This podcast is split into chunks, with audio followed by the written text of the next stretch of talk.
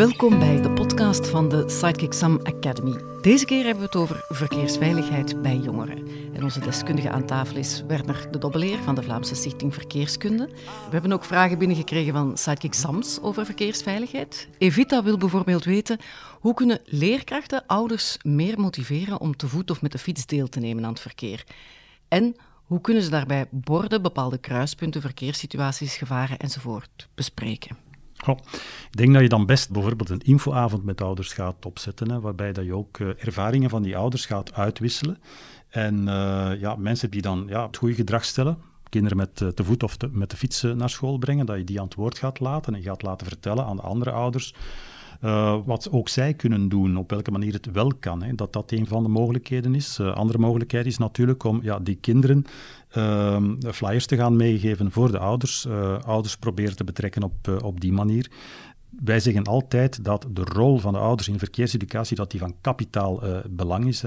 Omdat uh, als je met je kinderen van jongs af aan, en bedoel ik echt van de kleuterleeftijd af, uh, dat je dan gaat stappen en gaat fietsen, onder begeleiding natuurlijk, hè, dat je bij je kinderen blijft, in veilige omstandigheden, ja, op, een, op een veilige weg, hè, dat je dan eigenlijk heel goed bezig bent en je kinderen echt aan het opvoeden bent om ook op latere leeftijd zich veilig te gedragen in het verkeer. We leren het jongeren aan via spelen en zo. Bestaat dat ook voor ouders eventueel? Bestaat er een soort van spel? Wel, uh, dan kom ik direct op uh, de grote verkeersquiz. Dus, onze jaarlijkse quiz die we telkens in de periode oktober-november lanceren. is een online quiz waar je verkeerskennis kan, kan testen. Er zijn mooie prijzen te winnen. Maar er is ook zoiets als de kleinste verkeersquiz. Dat is een quiz die je wekelijks in je mailbox krijgt met één vraag. Heel simpel te beantwoorden, ja of nee. Of ja, keuzemogelijkheid A, B of C. Je ziet meteen het correcte antwoord. Op die manier kun je spelenderwijs heel veel bijleren over verkeer. En waar moet je dat doen? De kleinste verkeersquiz.be en dat is, dan word je omgeleid naar vsv.be waar je kan inschrijven. Chloe vraagt wat te doen met kinderen onder de 16 jaar die toch met elektrische steps naar school komen dat is natuurlijk een, dat is verboden. Hè. Dus kinderen onder de 16 jaar mogen zo'n elektrische step niet uh, gebruiken. Ja, daar ga je dan de ouders inschakelen, denk ik. Hè. Verwittig je die ouders dat er die wetgeving uh, bestaat. Misschien zijn ze daar niet van op de hoogte. Misschien vinden um, ouders dat ook gemakkelijk, dat hun kind dat doet. Ja, maar het is uiteraard zeer onveilig. Hè. Uh, je moet dan een gesprek aangaan met de ouders, inderdaad. Griet vraagt wat met ouders bij wie kinderen vastzetten in de auto met de gordel niet in de cultuur zit. Hoe kun je hen sensibiliseren zonder met de vinger te wijzen? Ja, ervaring. Laat ervaren wat het is om uh, ja, wat die gordel eigenlijk voor je doet. We hebben daar een, de tolauto, of de, de tuimelwagen zoals we zeggen. Dat is eigenlijk een, een soort van kermisattractie, om het wat oneerbiedig te zeggen, waarmee we naar scholen gaan, waarbij we kinderen laten ervaren, uiteraard vastgeklikt in die wagen. Hè. Die wagen maakt dan een koprol. Op die manier voel je heel duidelijk wat die gordel doet. Je blijft namelijk echt wel veilig op je plek zitten. Je, je gaat niet door die, door die wagen heen gaan, uh, gaan tuimelen. En dat is, ja, dat is ervaringsgericht uh, leren. Dus uh, als je zo'n tuimelwagen bijvoorbeeld op school kan laten komen en ook die ouders laten ervaren wat dat, wat dat doet, ik denk dat dat echt wel heel veel ogen opent. Dan wil ik het ook even over de kosten hebben. Wat mm-hmm. kost zoiets? Um, we proberen dat aan zeer, zeer lage tarieven aan te bieden aan scholen. Dat het betaalbaar ook, is voor een school? Inderdaad, we zorgen absoluut voor de betaalbaarheid. Er zijn ook uh, gemeentebesturen, politiediensten die die tuimelwagen kunnen inhuren en op die manier hm. ook uh, bijvoorbeeld bij evenementen kunnen inzetten. Iemand vraagt anoniem. Een leerling van me kreeg onderweg naar school een ongeval met een step. De step is stuk, maar hij vroeg geen gegevens van de andere betrokkenen. Hoe kan ik mijn jongeren sterker in hun schoenen laten staan, zodat ze weten wat ze moeten doen op dat vlak? Dat is uh, gewoon door duidelijk te maken dat uh, elk ongeval dat gebeurt, vanaf het moment dat er materiële schade is, ja, ga je eigenlijk wel, uh, ja, ben je verplicht eigenlijk om de gegevens van die tegenpartij op te vragen. Hè. En als die tegenpartij dat weigert te doen, ja, dan, dan verwittig je de politie. Dat is eigenlijk het enige wat, er, wat erop zit. ja, tegenpartij moet jou vergoeden natuurlijk voor, voor de schade. Of dat wordt dan bekeken, ah, wat zijn de omstandigheden van het ongeval, wie is er verantwoordelijk en wie moet, wie moet opdraaien voor de schade. Dan gaan we al vanuit van de goodwill van de andere partij. Maar stel dat het iemand is met minder goede bedoelingen of mhm. iemand die wil vluchten, kan de smartphone daar een oplossing bieden? Kan een oplossing bieden als je ja, kunt vastleggen wat er precies is uh, gebeurd. Als je ja, die persoon kan in beeld brengen, eventueel een nummerplaat kan vastleggen en dergelijke. Het zijn allemaal elementen waar de politie dan verder mee aan de slag kan om die persoon te gaan opspeuren. Uh, wat je zeker niet mag doen, is die gegevens gaan delen op sociale media en dergelijke, want dan, uh, ja, dan ben je eigenlijk heel fout bezig. Dan bega je zelf een grote overtreding. Deze leerkracht worstelt met iets. Ik zie kinderen aankomen zonder helm bij mij in de klas. Kan ik de ouders daarover aanspreken? Is het mijn taak om mij daarmee te bemoeien? Want mogelijk hebben ze geen geld voor een helm.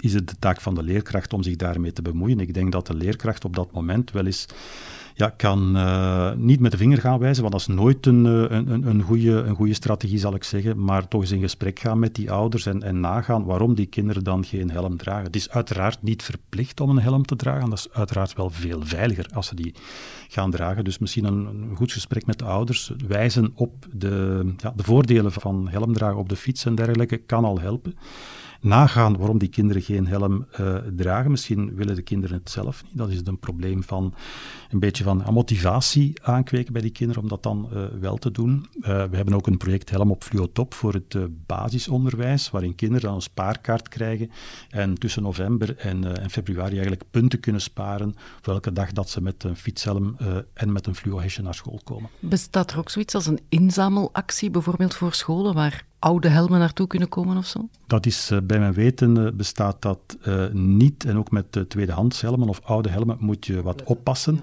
Omdat natuurlijk van zodra zo'n helm ergens gevallen is, of bij een, binnen een ongeval betrokken is geweest, dan kan die van binnen beschadigd zijn, zonder dat je het merkt. En dan is die beschermende werking van die helm natuurlijk minder.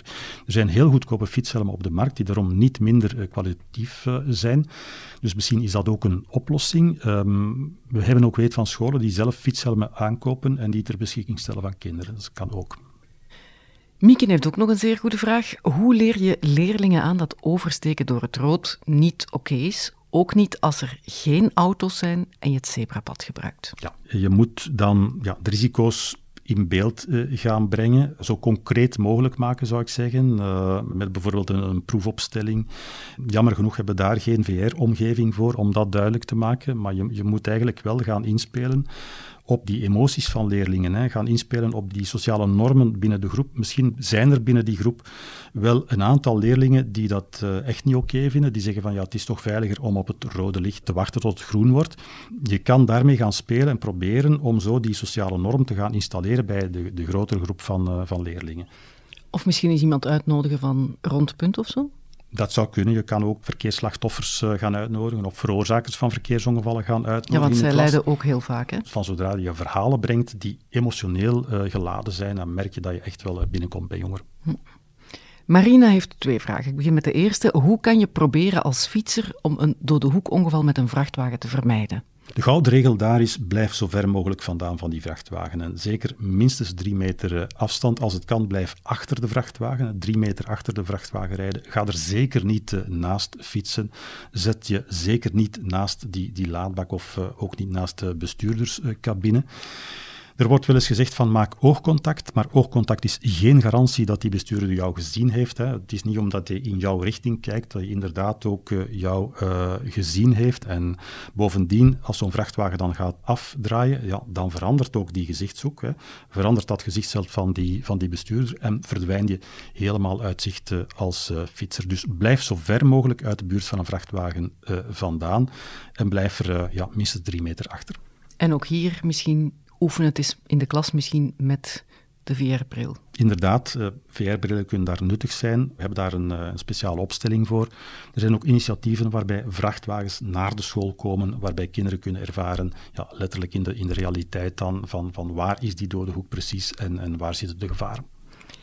En de tweede vraag van Marina, hoe kun je leerlingen duidelijk maken dat het gevaarlijk is om naar muziek te luisteren als je fietst? Heel veel jongeren uh, doen het, maar ook daar, hè, um, ja, ervaringsgericht, probeer eens met een eenvoudige proef op de, op de speelplaats. Bijvoorbeeld iemand die een koptelefoon op heeft met luide muziek. Hè. Laat andere leerlingen dan ja, iets, iets roepen of signalen geven. Uh, ja, die leerling met, met de luide muziek op zal dat natuurlijk uh, niet horen. Hè. Dus dat is een eerste ding wat je kan doen. Ook opnieuw inzetten op die sociale norm. Ja, de meeste kinderen zullen wel zeggen van kijk, ik vind het toch belangrijk om te weten wat er rond mij gebeurt in het uh, verkeer. Dus dat kan al een begin zijn om daar een discussie rond te hebben van ja, weten wat er rond jou gebeurt, wat heb je daarvoor nodig? Je ogen en uiteraard ook je oren. Heel belangrijk op de fiets of als, als voetganger, dat je hoort wat er gebeurt in het verkeer. Of er voertuigen naderen.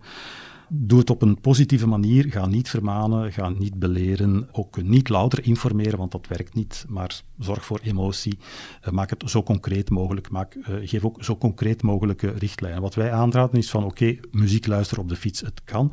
Maar laat dan één oor vrij, zodanig dat je toch altijd uh, minstens met dat oor voertuig hoort naderen. Heb jij als deskundige nog een ultieme tip? Als ik uh, één tip zou mogen geven om ja, veilig te zijn in het verkeer, is uh, in alle omstandigheden pas je snelheid aan aan de omstandigheden. Dat moet je doen als uh, automobilist, uiteraard, maar dat doe je ook als fietser. Als je met een snelle fiets op de baan bent of, of ook met een, met een step op de baan bent.